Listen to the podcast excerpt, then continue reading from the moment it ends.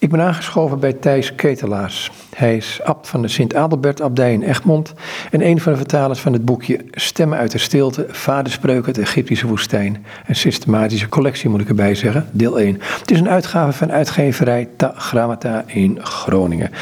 Goed, ik kan me vragen wie die woestijnvaders waren of zijn of zijn geweest. Ehm, maar het lijkt me misschien goed om gewoon maar een, een tekst te pakken van de woestijnvaders, want het gaat vaak over leven in rust. En het blijkt dat leven in rust, als ik het goed begrijp. Ik, ik heb niet alles gelezen, want het is, het is ondoenlijk om het boekjes boekje te lezen. Je moet er echt een stuk uitpakken, denk ik. Ehm, en dan merk ik dat de herrie bij die mannen toch vaak van binnen zit. Het is niet zozeer de stilte van de woestijn, het wel de, de onrust die van binnen zit. Ehm, dus ik wou een stukje over leven in rust. Uh, misschien kun je dat lezen. Ja, een broeder legde een oudvader de vraag voor: wat is een leven in rust? En wat is het nut daarvan? Leven in rust, antwoordde de oudvader, dat is in een kluis gaan wonen met de kennis en de vreze Gods, terwijl je je verhoudt van haatdragendheid en hoogmoed.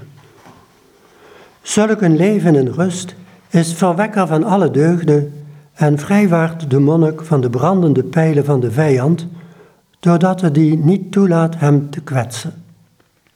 O rust, vooruitgang van wie in eenzaamheid leven. O rust, hemelse ladder. O rust, weg naar het koninkrijk der hemelen. O rust, moeder van rouwmoedigheid. O rust, bewerker van inkeer. O rust, spiegel van zonden die de mensen misstappen toont. O rust, die tranen en zuchten niet verhindert. O rust, die de ziel doet stralen. O rust, verwekker van zachtmoedigheid. O rust, metgezel van nederigheid. O rust, die de mens in staat van vrede brengt. O rust, gespreksgenoot van engelen. O rust, verlichter van het denken. O rust, die als jukgenoot van de vreze Gods verkenner is van de gedachten en medewerker van de onderscheiding. O rust, verwekker van alles wat goed is, fundament van het vasten, teugel van de tong en rem op de gulzigheid. O rust, tijd die vrij is voor gebed en vrij voor lezen. O rust, kalmte van gedachten en beschutte haven. O rust, die God vermurmt en wapen van jongeren is, die in het bezit van een standvastige gezindheid is en hen die in een kluis willen neerzitten in onverstoorbaarheid bewaart. O rust, zacht juk en lichte last die hem draagt en verkwikt die jou draagt. O rust, vreugde van ziel en van hart. O rust, die alleen voor zichzelf zorg heeft en met Christus spreekt en daarbij gedurig de dood voor ogen heeft. O rust, teugel van ogen, van oren en van tong. O rust, die dag en nacht Christus verwacht en de lamp brandende houdt. Uit verlangen naar Hem immers zing je onophoudelijk de woorden, Mijn hart is gerust door God, mijn hart is gerust. O rust, ontkrachter van snoeverij en die in plaats van gelach tranen bewerkt voor wie jou bezit. O rust, moeder van vroomheid. O rust, vijand van schaamteloosheid en hater van vrijmoedigheid, altijd in verwachting van Christus. O rust, gevangenis van hartstochten. O rust, akker van Christus die goede vruchten draagt. Ja, broeder, Die rust moet je verwerven onder het gedenken van de dood. Als ik dit zo hoor, ehm, dan denk ik meteen al, er komen van die woorden in voor die ik heel veel bij de woestijnvaders tegenkom. Onder andere het woordje tranen, um, inkeer, spiegel van zonden of zonden, misstappen, rouwmoedigheid. Ehm, maar die misstappen, hè, daar is een prachtig voorbeeld van op uh, bladzijde 169. Misschien kunnen we dat ook lezen, dan heb ik hier wat meer vragen over. Bladzijde 169, nummer 57, daar gaat het over het oordelen. Op een keer beging een broeder een misstap in de sketis. Er werd een beraadslaging belegd en ze stuurde iemand naar Abba Mozes, maar deze wilde niet komen. Toen stuurde de priester hem de volgende boodschap. Kom, want de gemeenschap wacht op u. Hij stond op, pakte een mand, vulde die met zand en sjouwde haar mee. Wat heeft dat te betekenen? vroegen degenen die hem tegenmoet kwamen. Mijn zonden stromen zonder dat ik ze zie achter me naar beneden, zei de oudvader. En nu ga ik vandaag over andermans zonde oordelen. Toen ze dat hoorden, zeiden ze niets tegen de broeder, maar vergaven hem. Dit is, dit is, vind ik, een heel mooi voorbeeld van een vaderspreuk. Wat zijn het precies, die vaderspreuken? En wat zijn het voor een mannen eigenlijk? Want er worden hier vaak termen en woorden in gebruikt die een beetje dwars op ons leven staan, op ons drukke leven staan. En ik denk dat zelfs een monnik in een klooster druk is. Nou, de vaderspreuken die wij vertaald hebben, komen dus uit de Egyptische woestijn, waar het monastieke leven in het Westen eigenlijk zijn oorsprong vindt. Die vaders woonden ofwel alleen als kluizenaar, soms hadden ze een leerling of een paar leerlingen, soms verzamelen zich een groepje rond hen heen. En zodra je in de woestijn gaat leven op je uppie, dan komt de binnenkant van je leven aan de praat. je zit in de stilte en dan komt er van alles op je af. Uh, wie op YouTube bijvoorbeeld nu zou kijken naar de gesprekken met Vader Lazarus, kluizenaar van het Antoniusklooster in Egypte, die uh, vindt daar een prachtig relaas over. Maar die, die mannen probeerden dus de zuiverheid van hart te verwerven, misschien moet ik beter zeggen, te ontvangen. En daar moet je een weg voor gaan natuurlijk. Als je de navolging van Jezus, want daar ging het om, serieus neemt, dan moet je jezelf in de spiegel van het evangelie bekijken. En jonge monniken, dus leerlingen die dan naar de woestijn trokken omdat ze toch ook geraakt waren door het evangelie en uh, monnik wilden worden, die uh, kwamen, zoals wij dat nu ook zeggen, die kwamen zichzelf tegen. En die wisten niet hoe met bepaalde emoties, gevoelens, passies om te gaan. En gingen dan bij een oudvader, een, die jarenlang in de woestijn had gezeten en die daar kennis van had, die met die problemen had geworsteld, die met de hulp van de geest uh, tot inzicht, tot kennis was gekomen, gingen bij hem dan vragen: Vader, wat moet ik doen? Want dat en dat. We moeten dus er goed bij denken dat de spreuken en de antwoorden die we krijgen, dat zijn geen algemene waarheden. Maar het zijn concrete broeders die met een vraag die hun kwelde bij een vader komen.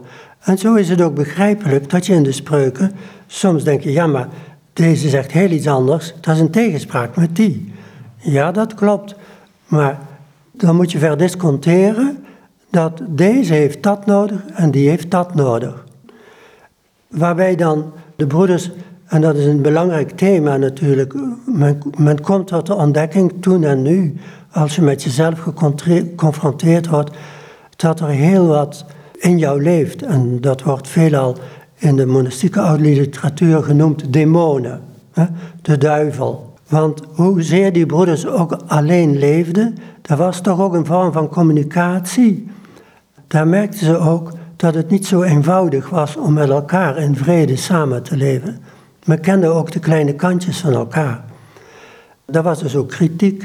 En de spreuk die wij toen net hadden over die broeder die uh, beschuldigd was van iets, Abba Mozes, een van de grote vaders, hij is uh, zijn leven begonnen als rover en is later monnik geworden. en een heel zachtmoedige mens. In de monastieke literatuur geldt, en dat is een apart hoofdstuk waar deze spreuk uit is, niet oordelen over de ander. Want wie ben ik? Zie ik het wel goed? En wie ben ik om te oordelen? Want ik ben zelf ook een zondaar. En dat komt in deze spreuk van, uh, van Mozes, zonder dat hij eigenlijk iets zegt. Hij geeft aanschouwelijk onderwijs. En uh, dat is ook het beste. Vaak wel, ja. Ik moet bij deze ook denken aan. Um, we zitten hier in een klooster, dus. Um, als je zegt, ja, ieder heeft iets anders nodig. Hè? Er, is, er staat één zo'n spreuk in over, uh, ik noem het dan gelijke monniken, gelijke kappen. Dat is het net niet. Dat is op bladzijde 183. Uh, en daar binnen zit de spreuk 18. Oh ja, op een keer brachten drie oudvaders een bezoek aan Abba Achillas. Een van hen had een slechte naam. Abba, maakt u een sleepnet voor me, zei een van de drie tegen Abba Achillas. Dat doe ik niet, zei hij. Wees u zo goed, zei de ander. In het klooster willen we graag een herinnering aan u hebben. Maakt u een sleepnet voor ons. Ik heb geen tijd, zei hij. Maakt u een sleepnet voor me, Abba, zei toen de broeder met een slechte naam. Ik wil graag iets uit uw handen hebben. Ik maak er een voor je, antwoordde de Abba meteen. De twee andere oudvaders spraken onder vier ogen met de oudvader. Hoe kan het dat u, toen wij erom verzochten, voor ons geen sleepnet wilde maken, zeiden ze, en dat u tegen hem zegt, ik maak er een voor je. Toen ik tegen jullie zei, dat doe ik niet, zei Abba Achillas, deed het jullie geen verdriet vanuit de gedachte dat ik geen tijd had. Maar als ik voor hem er geen maak, zal hij zeggen, omdat hij over mijn zonde heeft horen vertellen, heeft de oudvader er geen willen maken.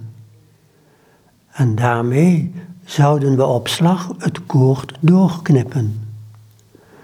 Maar ik heb zijn ziel opgebeurd om te voorkomen dat zo iemand verzwolgen wordt door verdriet. Dat is toch prachtig, hè?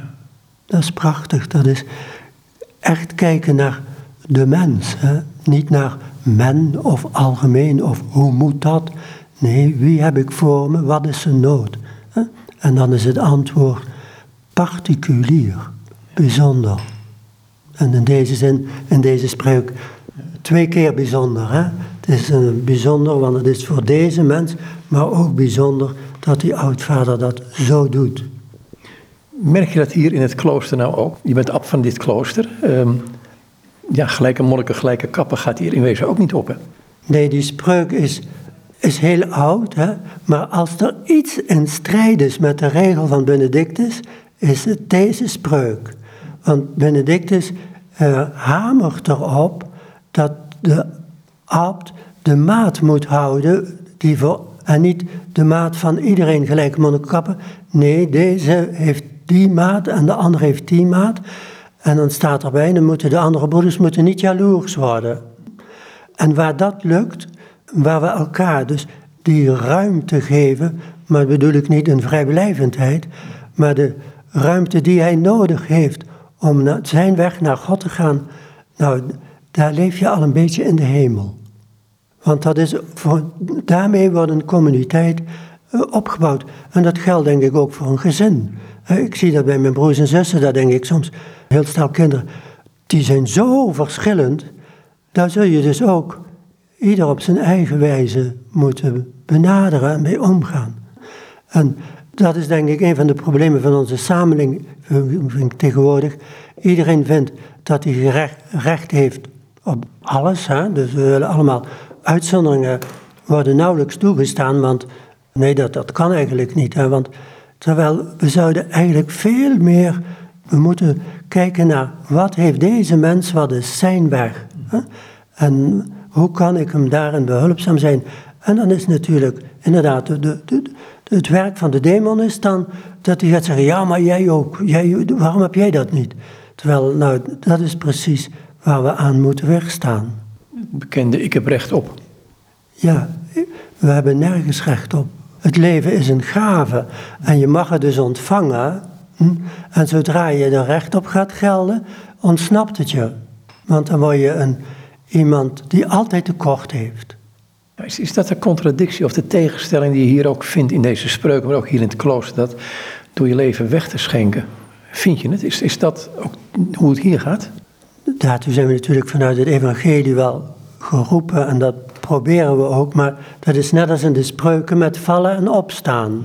Dus, maar eh, ik ben er zelf echt van overtuigd en ook de bescheiden ervaring die ik heb in mijn monastieke leven, dat als je je geeft, dat wordt, moet ik zeggen, dat wordt dubbel betaald. Daar, daar, daar, daar word je gelukkig van.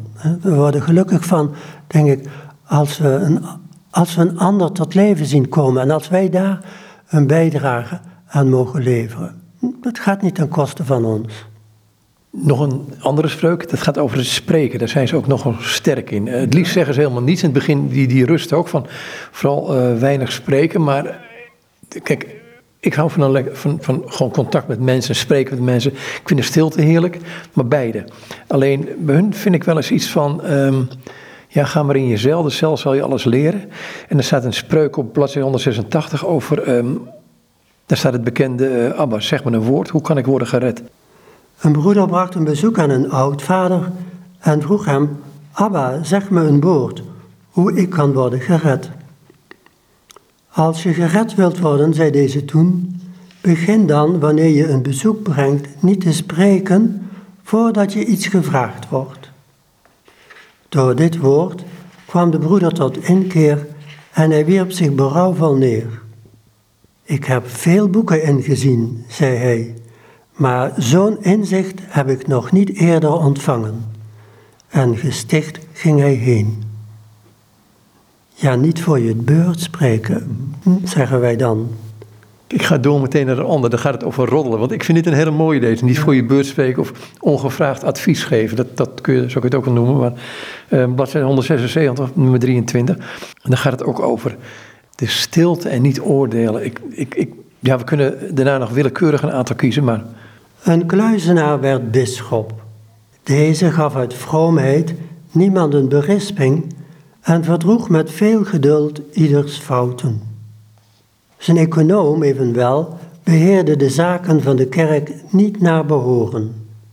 Waarom geeft u de econoom die zo nalatig handelt geen berisping? vroegen sommigen de bisschop. De bisschop stelde de berisping uit tot de volgende dag. Degenen nu die hem tegen de econoom opzetten, kwamen weer naar hem toe. Toen de bisschop het hoorde, verborg hij zich ergens. Bij aankomst troffen ze de bisschop niet aan en ze hoorden van zijn vertrouwelingen waar hij zich verborg. Waarom hebt u zich verborgen? vroegen ze toen ze hem gevonden hadden. Wat ik in zestig jaar allemaal met bidden tot God heb bereikt, zei hij toen, dat willen jullie in twee dagen plunderen. Dat is een hele mooie, maar ook toch moeilijke spreuk eigenlijk. Hè? Want de bisschop houdt zich helemaal aan het niet oordelen, wat hij in zijn monastieke leven heeft geleerd. Maar tegelijkertijd, als bisschop, heeft hij natuurlijk ook nog een andere verantwoordelijkheid. En die twee, die strijden met elkaar. Dus van, uh, je moet soms mensen zeggen, dat is niet goed. Ik heb ooit van een geestelijke vader de raad gekregen, altijd ja zeggen is niet goed. Altijd nee zeggen is ook niet goed. Je moet onderscheiden. En dan is het dus soms bij deze kluizenaar die bisschop is geworden, is het dus een hele zware strijd, ja, waar hij zich voor heeft ingezet in een andere positie, om te zien hoe hij daarmee moet omgaan. En ik denk dat dat voor meerdere in de samenleving geldt in onze tijd. En, eh, ik weet niet of ik zo zou hebben gehandeld. In elk geval zou ik, minstens, maar dat zal hij ook hebben gedaan, gebeden hebben voor de geest, om mijn eigen voorkeur, hij wilde zijn wat hij zegt, wat ik in 60 jaar heb bereikt, dat wil ik niet verliezen. Maar soms moet je zelfs dat verliezen. De vaders zouden zeggen, je eer prijsgeven. Van kijk eens, dit heb ik uh, bereikt. Hè? En dan denk ik aan een spreuk van Abba Poimen. Van dat een broeder kwam, vader, hoe moeten we nou vasten? En dan zegt Abba Poimen zegt tegen die jonge broeder, Ik denk dat het het beste is om elke dag een beetje te eten. Ja, maar vader, zegt die broeder, u heeft toch vaak meerdere dagen gevast en de vaders hebben nog langere tijd gevast. Ja, zegt Abba Paiman, de vaders hebben alles geprobeerd om te kijken wat het beste is. En ze zijn tot de conclusie gekomen dat elke dag een beetje eten het beste is. En waarom? Omdat anders zou je morgen zeggen tegen die broeder: Kijk, gisteren heb ik gevast. Of ik heb drie dagen gevast. En dat is precies, dan heeft je demon je te pakken. Want dan denk je dat je iets bent. Maar als je elke dag een beetje eet, dan moet je elke dag zeggen van nou, ja, ik heb een beetje gegeten of ik heb een beetje gevast. Dan word je behoed voor de demon van uh, opschepperij. Hè? Ja, een beetje in het verlengde hiervan ligt, ligt ook een, een spreuk over, um, over het dagelijks werk doen. Gewoon het, het, want dat vind ik een hele curieuze is dat. Ah ja. Op een keer, toen hij in de woestijn woonde, werd de heilige Abba Antonius bevangen door een gevoel van zinloosheid en een donkere wolk van gedachten. Heer, ik wil gered worden, zei hij tot God, maar de gedachten staan het me niet toe. Wat moet ik doen in mijn benauwenis? Hoe kan ik gered worden? Toen hij een eindje naar buiten was gegaan, zag Antonius net zo iemand als hij zitten werken, dan van zijn werk opstaan en bidden, dan weer gaan zitten en aan het touw werken en vervolgens opnieuw opstaan voor het gebed. Het was een engel van de Heer, gezonden om Antonius te corrigeren en te sterken. Doe net zo en je wordt gered, hoorde hij de engel zeggen. Op het horen hiervan was hij een en al blijdschap en goede moed. En door net zo te doen, werd hij gered. Het is de eerste spreuk uit de serie van Antonius, de oudste monnikenvader, althans eh, volgens de traditie. En het is frappant dat we in die eerste spreuk geconfronteerd worden met een Antonius die blijkbaar al een tijd lang in de woestijn zit en iedere dag hetzelfde doet, dat is bidden en werken. Maar op een gegeven moment wordt hij dan overvallen door een gevoel van zinloosheid. Nou doe ik het al zo lang en waar, wat heeft het voor zin, wat baat het, wat word ik daar beter van en noem maar op. Nu, we herkennen dat. Ik denk, je hebt in het kunnen het bestaan, je bent met iets bezig en ook in ons monastieke leven hier ook. Ja, je, loopt in de pas, je doet iedere dag en dan uh, op een gegeven moment denk je, ja, waarvoor dient het nou? En uh, dan neemt Antonius zijn toevlucht tot de Heer, dat is wel bijzonder, of bijzonder belangrijk, hè? Hij klaagt zijn nood, zijn zinloosheid. Hij zegt, ik, ik, ik wil gered worden. Dat is, eigenlijk betekent dat in de vaderspreuken, ik wil een goede monnik zijn. Maar allerlei dingen houden me daarvan af, want gedachten. Dus we kennen dat ook als we gaan bidden of gaan lezen of studeren. Er speelt van alles door ons hoofd. Hoe, hoe kan dat? Hoe kan ik dat overwinnen? En dan krijgt hij dus ja, hij, hij loopt naar buiten zijn kluis uit en heeft dan een, misschien een, wat is het, een, een visioen, een ingeving of wat dan ook. Hij ziet dan iemand die doet precies hetzelfde als hij. En hij twijfelt precies alsof hij, wat hij doet, of dat wel goed is. Want hij, hij vindt niet dat hij echt monnik wordt, dat hij heilig wordt of wat dan ook. En dan ziet hij die, die figuur dat dat doet, die doet precies hetzelfde als hij. En dan hoort hij een stem. Nu, en dat kun je op verschillende manieren interpreteren. Natuurlijk is het een innerlijke stem, is het een stem die op hem afkomt. Die zegt, als je zo doet, dus in feite zegt, die, zegt de Heer tot hem door die engel, gewoon volharden in het patroon wat je als monnik hebt. Ora et labora, bid en werk. En nou, dat is voor uh, Antonius, dan staat er, op het horen hiervan was hij een en al blijdschap en goede moed. Dat is toch een prachtige combinatie. Hè? Hij was blij en dus door dat woord. En hij kreeg er kracht van, moed. Dat, was in het, dat is een beetje van, dat is een soort nou, tegenstelling niet, maar denk aan vrees en grote vreugde in het evangelie. Maar hij, uh, ja, door zo te doen werd hij gered. Is, is dat een van, van de thema's ook in het boek, dacht ik? Hè? Ehm, of dat, zie je zo'n rode draad doorheen, die volharding die zo belangrijk is? En, uh, daar is een, uh, welk hoofdstuk is het? Even kijken. Hoofdstuk 7, dus dit is ook de, de eerste van het hoofdstuk 7 over de volharding en de standvastigheid. Wat natuurlijk een, uh, ja, je kunt je voorstellen, dat is in de woestijn waar die monniken die hadden, ja, er, er was niks. Dus je, je, laat heel wat achter je. En soms komen ook, dat komt in de spreuken ook voor natuurlijk, dat mensen, laat maar zeggen, lastig gevallen worden door wat ze achtergelaten hebben. Dat komt bij hun terug in gedachten. Er zijn er ook die terug willen gaan, hè? die spreuk van die twee broers. En uh, zegt de ene, nou ik hou het niet meer vol, ik ga weg. Nou, dan ga ik mee, maar morgen, morgen.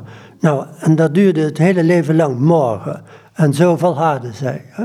Dus, uh, zo makkelijk, het gaat het niet altijd, maar dus volharding is een, een gegeven, ik denk wat in elk mensenleven van belang is. We hebben allemaal, of we nu monnik zijn of buiten het monnik, zijn er momenten waar het tegen zit, waar je dat had je niet verwacht, of het is een teleurstelling bij jezelf, of een ander doet je dat aan, of dingen. En dan is het van, uh, is de vraag, ja, hoe nu verder? We hebben heel vaak in onze samenleving is het dan van kappen en opnieuw beginnen. Nou, soms moet dat, misschien. Maar ik denk dat de vaders ons kunnen leren dat niet weglopen van de beproeving, want dat is het, je in heel veel gevallen verder brengt en je de weg wijst. Is dat, want je noemt deze tegenwoordige tijd waarin alles, uh, je bestelt dat vandaag, morgen in huis. Heb je het dan over traagheid en groei en, en um, misschien ook wel over het woordje overgave, wat er hierin impliciet in verwerkt is? Ja, groei is natuurlijk in het evangelie een belangrijk woord. Jezus heeft heel veel parabels of beelden met, uh, denk ook de, de korrel in de voor. Dat, dat vergt tijd voor wat, voordat hij in... Uh, in de aar zit. Dat is ook een thema in de monastieke literatuur. Dus volharding, geduld, groei. Ja, dat, is, dat staat haaks op onze cultuur. Wij willen alles. We bestellen vandaag via internet en het liefst moet het er vandaag nog zijn. Hè? En anders komt het morgen toch? Dat is toch het laatste. En uh, daarmee denk ik, dat is geen zegen. We kennen het spreekwoord haastige spoed is zelden goed. Dus daarom zeggen de monniken ook, zijn ze spaarzaam met spreken. Denk eerst eens na voor wat je wat zegt. Weeg ook wat er in je leeft. We hebben, toen ik jonger was, was het, hoe weet je dat, uh, allerlei psychologische sensitivity en dat soort dingen. En, uh, ja, je moest gelijk eruit flappen wat erin, hè, wat je voor de mond kwam. Nou, dat is niet de wijsheid van de woestijn. De wijsheid van de woestijn is wegen, luisteren, luisteren, bidden. En dan het zaad laten groeien. Ik denk ook in onze menselijke relaties ook geduld hebben met elkaar. Zodat er, dat we mensen de kans geven om te groeien. En tegelijkertijd dat er ook bij ons een, iets kan groeien van aanvaarding als een ander niet volmaakt is. Of als het leven anders loopt dan je had gedacht. Hè? Dus dan kunnen we zeggen van, uh, ja, maar ik, had andere plannen. Ja, uh, maar de vader zou zeggen van, dat zijn jouw plannen. Maar heb je ook al geluisterd naar wat Gods plannen zijn? Wat hij jou misschien te zeggen heeft in deze situatie? Denk aan de vraag die tegenwoordig wel gesteld wordt. Wat kunnen we van corona leren? We hoeven niet te zeggen, dat is een straf van God. God is niet iemand die, uh, een vader die uh, hm, op die manier uh, afrekent met zijn kinderen. Nee, maar het kan wel zijn dat hij ons iets te zeggen heeft in wat ons is overkomen. Misschien zegt die corona toch ook iets over. Ja, denken jullie wel eens na over het leven zoals jullie dat leiden nu in deze tijd. Wij van, als mensen van we reizen van hot naar haar en het moet allemaal stel en sprong en dit moet en dat moet. Is dat nou waartoe we zijn geroepen? Is dat de weg naar het paradijs en, het, en een gemeenschap in Christus? Waar mensen elkaar weten te aanvaarden. Dat zegt Benedictus, hè, die van de oudvaders heeft geleerd, en met name van Poimen. Zegt, uh, De broeders moeten elkaar met het grootste geduld elkaars fysieke en, en morele zwakheden verdragen.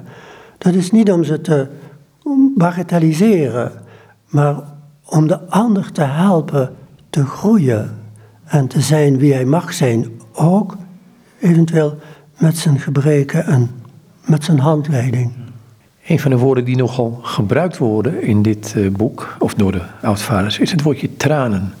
Um, ik weet, er is een bijeenkomst in een van de spreuken waarin mensen bij elkaar komen. Dan denk je, ja, het is een soort ontmoeting van mensen. En dan wordt het de oproep gedaan van laten we met z'n allen gaan zitten huilen. Ik noem het maar in mijn eigen woorden nu. Mm Ja, de tranen is natuurlijk een heel belangrijk begrip in de oud-monastieke literatuur. En misschien is dat ook een begrip wat ons enerzijds vreemd is. Wij, wij kennen dat niet direct zo, denk ik. Maar het, het zegt in elk geval iets over de kwetsbaarheid van de mens. Dus je kunt bij de vaders komen tranen van rouw, rouwmoed voor, maar ook vreugdetranen. En dat hangt samen natuurlijk met de ervaring van het leven in de woestijn, waar je, als het goed is, stilaan ligt kennen. En dan ontdek je enerzijds dat je ja, toch altijd achterblijft bij de roeping waartoe je bent geroepen, hè, tot de volheid van het kindschap Gods. En anderzijds dat je steeds door God begenadigd wordt. En, uh, en daardoor word je, zoals ik het dan probeer te begrijpen bij Arsenius bijvoorbeeld, die beroemd is om zijn tranen, innerlijk zo geraakt dat er ook je eigen hart stilaan, Ezekiel zou zeggen, het stenen hart wordt tot een hart van vlees. Hè? Dus dat je een hart krijgt wat met je broeder kan meevoelen. Want dat is, zelfs Antonius, wij denken dat in de woestijn, dat die monniken allemaal, moet ik dat zeggen, ja, ze leefden voor God, ze leefden met God, maar zowel Antonius als Johannes de Kleine, wat ook een van de grote is, zeggen, maar tenslotte is de broeder de toetsteen of jouw leven echt is, of dat je jezelf voor de gek houdt. Dus in die zin moeten de tranen ons, ons hart week maken, zodat wij compassie hebben, zoals we daar straks hoorden van die vader Mozes, die ander niet wil veroordelen. Hij zegt niet dat hij niks heeft gedaan, ze, ze verdoezelen het niet, maar je moet de ander helpen om zijn weg te vinden. En dat is meestal niet door, uh, door, ja, door te veroordelen. Dus je kunt een stukje lezen. Op een keer stuurden de oudvaders van het hoogland van Nitrië iemand naar Abba Macarius in de Sketes met een verzoek. Om al het volk de reis naar u toe te besparen, zeiden ze, vragen we u naar ons toe te komen om u nog te kunnen zien voordat u afreist naar de Heer. Toen hij dan naar het hoogland gekomen was, stroomde al het volk toe. En de oudvaders vroegen hem een woord tot de broeders te spreken. Laten we wenen, broeders, zei hij onder tranen, en ervoor zorgen dat onze ogen vloeien van tranen, voordat we daarheen gaan waar onze tranen onze lichamen verzengen. En alle wierpen zich ter aarde en weenden. Vader, bid voor ons, zeiden ze. Ja, de grote Macarius. Maar dit, dit komt toch wel heel vreemd over op ons moderne mensen, denk ik. Ja, en dat zegt natuurlijk ook iets. Dat zegt iets over een cultuurverschil. Maar we moeten ook niet alles wat we in die vaderspreuken lezen. Dat is niet allemaal goed. Daar komen ze zelf ook achter. Maar het is belangrijk, dat vind ik het mooie van de vaderspreuken, dat ze ook de mislukkingen vertellen. Want daar valt van te leren. Dus, en er is een hele afstand tussen de cultuur van hen en van ons. Dus er zijn hele stukken, als je die, het hoofdstuk over de rouwmoedigheid leest, dan denk je soms, ja, wat moet ik hier nou mee? Dat feit dus enerzijds misschien toch ook een beetje studie van de achtergrond, en anderzijds een herhaald lezen, en ik zou willen zeggen, die spreuk ja, in je hart leggen om, om stilaan te laten rijpen. We hadden het dus straks over groei, dat het misschien open gaat. En sommige blijven ook raadsels voor ons. Ik bedoel, wij, Wij leven niet in de vierde eeuw en sommige dingen zijn ons vreemd. Daar kennen we de context ook niet direct van. Hè? Dus, Ja, er staat, verderop staat er eentje over zelfkennis, gaat het dan? Abba Poimen kreeg door een broeder een vraag voorgelegd. Mijn gedachten brengen me in verwarring en daardoor bekommer ik me niet om mijn zonde, maar let ik wel op de tekortkomingen van mijn broeder. Abba Poimen vertelde hem over Abba Dioscorus, dat deze in zijn kluis over zichzelf zat te wenen, terwijl zijn leerling in een andere kluis zat. En de leerling kwam de oudvader in zijn kluis opzoeken en trof hem daar wenend aan. Vader, wat weent u? vroeg hij. Ik beween mijn zonden, kind, antwoordde de oudvader. U heeft geen zonde, vader, zei de leerling.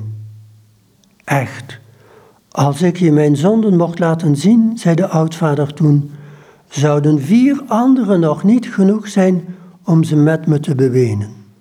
Zo is dus de mens, zei Abba Poimen, die zichzelf heeft leren kennen. Ja, ook dat is een spreuk die ons op het eerste gehoor waarschijnlijk heel vreemd is. Tegelijkertijd, met het slot van Abba Poimen, mag je zeggen, Abba Dioscorus heeft dus zichzelf leren kennen en ontdekt dat het een man is die, dat hij leeft bij de gratie van de vergeving. En ja, je zou misschien ook kunnen zeggen van dat hij weet dat hij nog niet is wie hij mag zijn. Of waartoe hij is geroepen. En uh, ja, wij leven in een cultuur waar enerzijds je volmaakt moet zijn en anderzijds wordt afgerekend op het minste of geringste. En als je zoals Dioscorus elke dag aan wat we dan klassiek noemen gewetensonderzoek zou doen, dan, uh, dan zijn er reden, denk ik, om te wenen. Niet zozeer, hoe zal ik dat proberen te zeggen, om, omdat je ontdekt dat je, je genadekansen hebt gemist. He, daar ben je aan voorbij gegaan of je bent misschien zelfs tegenin gegaan. En ook dat je in de relatie met je broeder niet, de, zoals Paulus zal zeggen, de fijngevoeligheid hebt waartoe wij eigenlijk zijn geroepen en begenadigd. En ik denk, uh, enerzijds is dat het ook de gratie van ons leven, dat we elke dag nog weer mogen groeien. Dus, en, en we leven van Gods genade. Maar anderzijds zijn we ook geroepen om geen genoegen te nemen met ja, met, met falen en met. Er valt elke dag wat te bewenen. En dan gaat het niet alleen, denk ik, in onze tijd, waar we natuurlijk in een andere tijd ook wel leven dan de woestijnvaders, maar in de monastieke traditie die is verder gegaan. Wij wenen niet alleen om onze eigen zonde, maar in deze dagen, als ik de krant zo opsla, dan denk ik, eh, in wat voor een samenleving zijn we terechtgekomen. En ik moet eerlijk zeggen, ja, innerlijk ween ik elke dag als ik zie wat er aan de grens van Europa staat en hoe wij met mensen omgaan. Dat zou je toch zelf ook niet willen. En waarom doen we het dan? Ja, waarom doen we dat dan? Ja, omdat we, zal ik dat zeggen, eigenlijk is het natuurlijk eenvoudig. Omdat we de Heer niet navolgen in zijn, in zijn, ja, in zijn mensenliefde die geen onderscheid maakt tussen wit en zwart, uh, goed en kwaad. Hè. We zijn, dat vind ik een van de meest fundamentele dingen van het evangelie en van onze christelijke traditie, joods-christelijke traditie, is, we zijn allemaal kinderen Gods. Allemaal, gelovig of niet. Maar wij maken allemaal uitzonderingen. En, en, want dat gaat anders ten koste, zo gezegd, van ons, van ons geluk of van onze welvaart of weet ik wat. Nou, zijn we nu gelukkig? Er zijn zoveel mensen eenzaam en leven in een samenleving waar zoveel ongelijkheid is en noem maar op. Laten we elkaar als broeders en zusters bejegenen. Dat is niet eenvoudig, maar het is wel de weg naar de vreugde van het evangelie. Dus ook het niet willen heersen over anderen. Ja, zeker. Dat is, dat is het fundamenteel. Ik, in die zin, ik ben, als ik nadenk over de schrift, Voor mij is heel de schrift dus voor mij persoonlijk samengevat in de hymne uit de Filipijnse brief. Hè? Hij heeft zich eh, helemaal ontledigd. Nu, als dat de weg is van, van het goddelijk woord, van de zoon die zich vernedert, wie zijn wij dan dat we op onze vermeende strepen staan? Als, dan kunnen we toch alleen maar dankbaar zijn dat hij nou enerzijds tot ons is afgedaald en willen we dus in zijn gezelschap staan, dan, dan rest ons niks anders dan ook al die ballast weg te gooien om zoals hij, uh, moet dat zeggen, broer en zuster van een ander te worden zonder op strepen te staan. Maar goed, het gaat bij de uh, woestijnvaders niet alleen om het op strepen staan, daar zijn ze toch wel helder over, maar ook over bezit. En bezit gaat natuurlijk ook opbrengt a priori scheiding, denk ik. Ja, de, de, de vaders hebben zich altijd tegen uh, bezit verzet, omdat dat uh, namelijk, hoe klein het ook is, Cassianus heeft er een mooi voorbeeld van, dat een broeder had alles weggegeven tenslotte uit die één naald die hij niet afstond. Nou, die ging hem helemaal, uh, die, die gingen de baas worden. Dus, en in het monastieke leven, bij Benedictus ook, dus de regel is fundamenteel gegeven, niemand van de broeders heeft eigen bezit, maar krijgt het van het klooster, van de abt, eh, om, anders gaan wij toch al heel gauw, dat, dat herken ik ook in mijn eigen leven, en je moet af en toe, monniken moeten soms hun, hun cel opruimen maar eens. Wat heb ik allemaal gekregen, wat staat, van waar ga ik me aan hechten? Wat is, wat is belangrijk in mijn leven? En waarom doe ik dat en waarom kan ik het niet delen? En dan is hechten wat anders dan wat de woestijnvaders wortelen noemen in een situatie. Nou, dat is natuurlijk een belangrijk gegeven. Waarom? Omdat uh, dat komt in de. Dat was in de eerste spreuk van Antonius dus straks ook al aan de orde. En kom je bij Sint tegen en de andere vaders. Uh, omdat je neemt jezelf mee. Ja, dus wij denken vaak dat de problemen die liggen buiten ons. Dus het is ofwel het is slecht weer, of ik heb of de, een lastige buurman, of noem maar op. Maar daar hebben de oudvaders natuurlijk ja, mee geleefd en geworsteld en zijn tot de ontdekking gekomen. Nee, het, het zit binnenin je. Die spreuk van Abba Amma Theodora, eh, die zegt van nou, ooit zegt van nou, uh, jij trekt je sandalen aan om te vertrekken, oh dat doe ik dan ook. Want ik ga met je mee. dus verhuizen, nee, je moet de aanvechting die er is, die moet je ter plekke uithouden. Twee stukjes over de vrezen God. Hè. Dat is nummer in bladzijde 37, um, ehm, nummer 7 en op 39 nummer 17. Misschien die beide lezen. Hmm.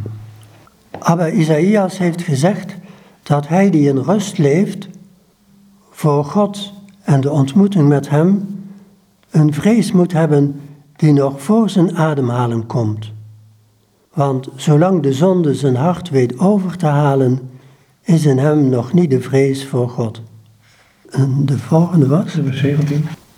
Aber Jacob heeft gezegd, zoals een luchter een duister slaapvertrek verlicht, zo verlicht de vrees voor God als ze in iemands hart gekomen is, die mens, en onderwijst hem alle deugden en geboden van God. Ja, duidelijker kan het bijna niet, hè? Ja. Ja, maar misschien moet je daar toch een tijd voor stilzetten. Ja. En uh, dus bij Antonius komt het voor dat hij, uh, staat in de spreuk, dat hij God niet meer vreest, omdat hij, ja, tot de vrijheid zeg maar, echt van de kinderen Gods komen en de liefde. Um, God is voor hem niet meer iemand die, die vreeswekkend is, maar iemand die mij bemint. En hier is het in deze spreuk 17 die uh, vrezen gods, die dan het duister slaapvertrek verlichten. Uh, deze vrees moet je hier dus ook niet verstaan als uh, iets waar je schrik voor moet hebben, maar iets als de, eerbied voor de, ja, voor de, voor de grootheid en de, van, van God. Maar daar zijn de, is, moet ik eerlijkheidshalve ook zeggen, bij de vaders is er soms ook in de spreuken en de oud literatuur wel sprake van een van een vrees voor God die uh, soms een, waar een angst achter zit. Die, waarvan we moeten zeggen van nou, dat is toch niet wat je nastreven moet. Dat is waar je van bevrijd mag worden. Maar daar zie je ook dat het zoals al eerder gezegd, het zijn geen spreuken van. Uh, het zijn niet zomaar heilige woorden zo van. Uh, er mankeert niks aan. Nee, het zijn mensen die hun weg hebben gezocht naar de vrijheid van de kinderen Gods. Om, om God ten volle toe te behoren. En dat gaat soms met hobbels. Ja, ik wou zeggen, het zijn geen superheiligen dit. Nee, uh, zeker niet. En ze zijn zelf de eerste die dat zullen erkennen. dus, en, uh, dus, en er zijn er ook dus, dus die echt gevallen zijn omdat ze... Dat is nog iets wat, als ik één ding mag zeggen van, van de vaderspreuken. En op het eerste gezicht lijkt het soms of het allemaal heel rigoureus is, heel streng. En ook of je het allemaal zelf moet. Hè, het was in de protestantse traditie vroeger nog wel eens het verwijt. Monniken, dat was werkheiligheid of hoe dat heette. En allemaal, dat is beslist niet het geval. Dat is eigenlijk hetgene waar ze het meest voor waarschuwen. Omdat ze in hun eigen kring gezien hebben hoe broeders, ik zal maar zeggen, alle maat verloren hebben in vasten, in waken enzovoort. En dan, je ziet het, we zouden zeggen, knettergek worden. Of inderdaad van een rot springen omdat ze denken dat ze dan God zijn. Of helemaal, hè, dus vergoddelijk.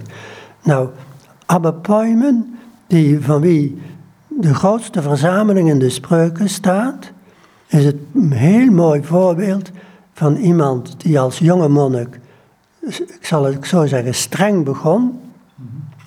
Die ook altijd heel principieel is gebleven, maar tegelijkertijd een man is geworden van de maat en van de mildheid. En uh, daarin voor onze vader Benedictus uh, het grote voorbeeld is geworden. En uh, voor ons ook. Ik weet niet of dit een hele goede is, maar misschien kunnen we eindigen met een spreuk van Abba Theodorus. Dat gaat over het neerzitten in je kluis. En ik herinner me dat er ook zo'n spreuken zien in de trant, die in de trant van... Uh, ga in je kluis, in je kluis zal je alles leren. En dan denk ik ook, ja, dat is wel waar, maar uh, hoe realistisch is dat? Dat is heel realistisch natuurlijk. Maar dat, dat vereist een lange weg. Je kunt, en het is ook daar, dat geldt niet voor iedereen, denk ik. Je moet ook, er zijn situaties waarin je, laat ik het zo zeggen, als hier mensen komen als gast in het klooster, dan mogen ze eerst maar een paar dagen komen, niet een week. Want de ervaring heeft ons geleerd dat het soms gebeurt dat mensen dan uh, ja, door de stilte in paniek raken en doorslaan en noem maar op. Daar is niemand mee gediend, niemand mee geholpen. Dus dat is ook een weg. En uh, als zo'n vader dat tegen een broeder zegt, ga je blijven in je kluis en uh, de kluis zal je alles leren.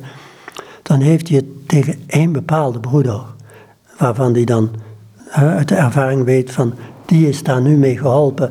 Die moet, we zullen zeggen, die moet het uithouden. En niet weglopen van de gedachten, maar laat ze binnenkomen, leg ze voor aan de Heer. En kijk hoe je stilaan uh, de, de manmachtigheid een deel valt. Hè? Maar we gaan Theodorus lezen. Ja? Abba Theodorus heeft gezegd: Wanneer je neerzit in je kluis, concentreer dan je geest Wees je verschijnen voor God indachtig. Stel je dat geduchte en vreselijke oordeel voor. Richt je aandacht op wat voor de zondaars is weggelegd. Op de schande tegenover God en zijn Christus, engelen, aartsengelen, machten en alle mensen. En op al de straf van het eeuwige vuur, de worm die niet sterft, de onderwereld, de duisternis. En bovenal op het tandengeknars en de angsten en de kwellingen. Maar richt ook je aandacht op het goede dat weggelegd is voor de rechtvaardigen. Op de vrijmoedigheid met God de Vader en zijn Christus. Met engelen, aartsengelen, machten en heel het volk. Op het koninkrijk en zijn rijkdommen, vreugde en verkwikking. Op beide moet je je aandacht richten. Slaak zuchten bij het oordeel van de zondaars. Stort tranen. Hul je in het kleed van de rouw en wees bevreesd dat je zelf ook onder hen terechtkomt, maar verheug je over het goede dat voor de rechtvaardige weggelegd is en wees blij en vrolijk.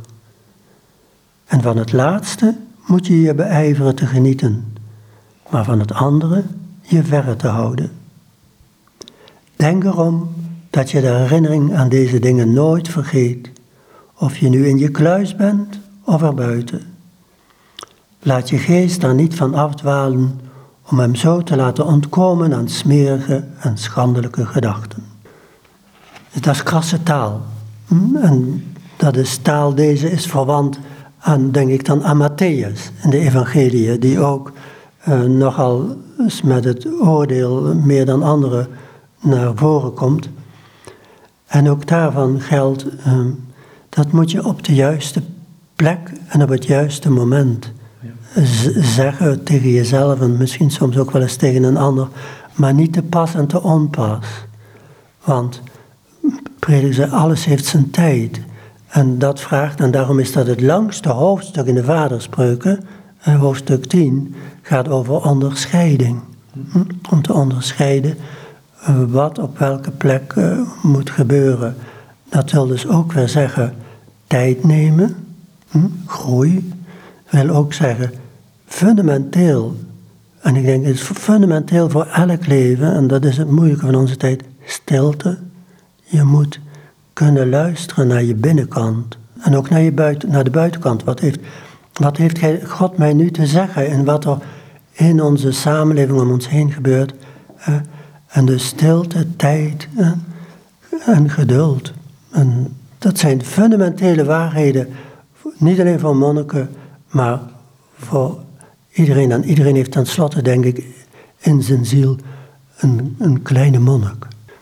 Die we moeten cultiveren om, uh, want de monnik is monos, is één, uit één stuk. En we zijn als christenen geroepen om allemaal mensen van één stuk te zijn uh, in de navolging van Jezus. ik vind een van die leuke stukjes hier, dat valt me nu pas op. Uh, verheug je over het goede dat voor de rechtvaardige weggelegd is en wees blij en vrolijk. En van het laatste moet je je beijveren te genieten. Dus het is niet zo van, nou ja, overkomt je, nemen, je kunt er echt je best voor doen. Ja, want nou, natuurlijk, we hebben dat woord in de hele conversatie niet gebruikt. Maar het woord ascese is natuurlijk fundamenteel in de monastieke traditie. En dat is, hebben ze ontleend natuurlijk aan de, aan de Griekse, moet ik zeggen, sport, oefenen. Want um, ascese wil zeggen toeleg, maar dat, die toeleg die kan maar tot resultaat leiden wanneer die met regelmaat uh, wordt, wordt gedaan. Nou, nou, dus kijk, al die mensen die aan Olympische Spelen of weet ik waar aan mee willen doen, dat wordt maar wat als je elke dag oefent en niet af en toe, nu heb ik een bui dat ik dat wil doen. Als monnik ook kun je maar hopen dat je ooit de, bepaalde mate van vrijheid ontvangen kunt, als je er zodanig ook jouw deel in levert. Hè? Dus de Heer geeft het in de slaap, maar dat wil niet zeggen dat wij af en toe toch moeten ploegen. Hè? En ploeteren zelfs. Dat is de ascese van de, van de volgehouden oefening. En ja, ook dat geldt voor ons allemaal in elke relatie, of je nu getrouwd bent of alleen bent. Je, moet uh, elke dag weer zoeken naar wat is de weg en uh, nogmaals, hoe kan ik ten volle leerling zijn van Jezus om iets van de vreugde van, de, van het evangelie, maar ook van de vergeving en de barmhartigheid in mijn hart te dragen en daar anderen in te laten delen. Tot opstanding en nieuw leven. Troost me net. Ik dank je voor dit gesprek. Nou, evenzo. En uh, God zegen. Dankjewel. En ik sprak met Thijs Ketelaars. Hij is abt van de Sint-Adelbert Abdij in Egmond. En met hem sprak ik over het boek waar hij een van de vertalers van is. Stemmen uit de stilte, vaderspreuk uit de Egyptische woestijn. De systematische collectie en dan is het deel 1. Het is een uitgave van uitgeverij Ta Grammata in Groningen. Goed, nogmaals, tot zover dit gesprek met de abt van de Sint-Adelbert Abdij in Egmond, Thijs Ketelaars.